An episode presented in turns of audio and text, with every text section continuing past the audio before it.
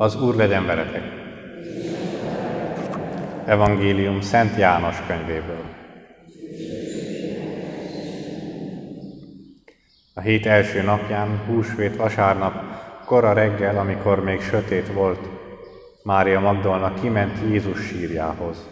Odaérve látta, hogy a követ elmozdították a sírtól.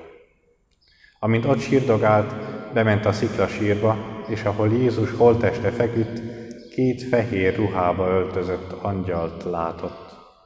Ott ültek, az egyik a fejnél, a másik a lábnál. Így szóltak hozzá, asszony, miért sírsz? Mert elvitték az én uramat, felelte, és nem tudom, hová tették. Ezzel hátrafordult, és ime Jézus állt előtte. Nézte, de nem ismerte fel, hogy ő az. Jézus megkérdezte, asszony, miért sírsz? Kit keresel? Mária Magdolna azt hitte, hogy a kertész az, és így válaszolt, Uram, ha te vitted el, mondd meg, hová tetted, hogy magammal vihessem. Jézus erre megszólította, Mária. Mária felkiáltott, Rabboni, vagyis Mester. Ne tartóztass, felelte Jézus, még nem mentem föl az atyához. Te most menj testvéreimhez, és vigyél hírt nekik, Fölmegyek az én atyámhoz és a ti atyátokhoz, az én Istenemhez és a ti istenetekhez. Mária Magdolna elsietett, hírül vitte a tanítványoknak, láttam az Urat, és elmondta, amit az Úr üzent. Ezek az evangélium igéi.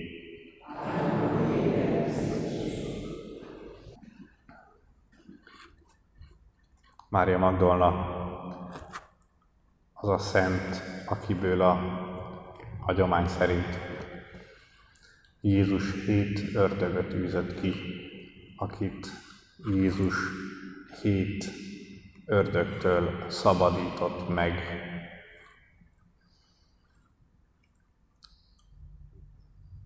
Tudjuk róla, hogy előző életében, mielőtt Jézussal találkozott volna, utcalánként élt ahol olyan kapcsolatokban volt napról napra része, ahol őt használták, ahol őt kihasználták, ahol őt mint egy tárgyat kezelték mások, sokan. És ez nem csak az utcalányokra igaz. Mindannyian élünk át ilyen helyzeteket, mindannyian kerülünk ilyen kapcsolatokba, ahol minket használnak, ahol minket kihasználnak, ahol minket tárgyaknak néznek, és akiket lehet használni tetszés szerint arra, amire az illető gondolja, és utána eldobnak minket mindannyiunkra. Ez mindannyiunknak a közös tapasztalata. De Jézussal való találkozás Máriát mindettől megszabad, Mária Magdolnát mindettől megszabadította. Mert a Jézussal való kapcsolatban a keresztény ember, az ember az nem él tovább, megszabadul ettől a kapcsolattól, ettől a kihasználó, használó, tárgyasító kapcsolattól. Mert az Isten, Istennel való kapcsolatban az ember nem azért van, hogy valamilyen legyen, vagy hogy valamit csináljon, vagy hogy valamire használja őt az Isten. Nem egyszerűen csak azért vagyunk, mert az Istennek tetszik a mi létünk.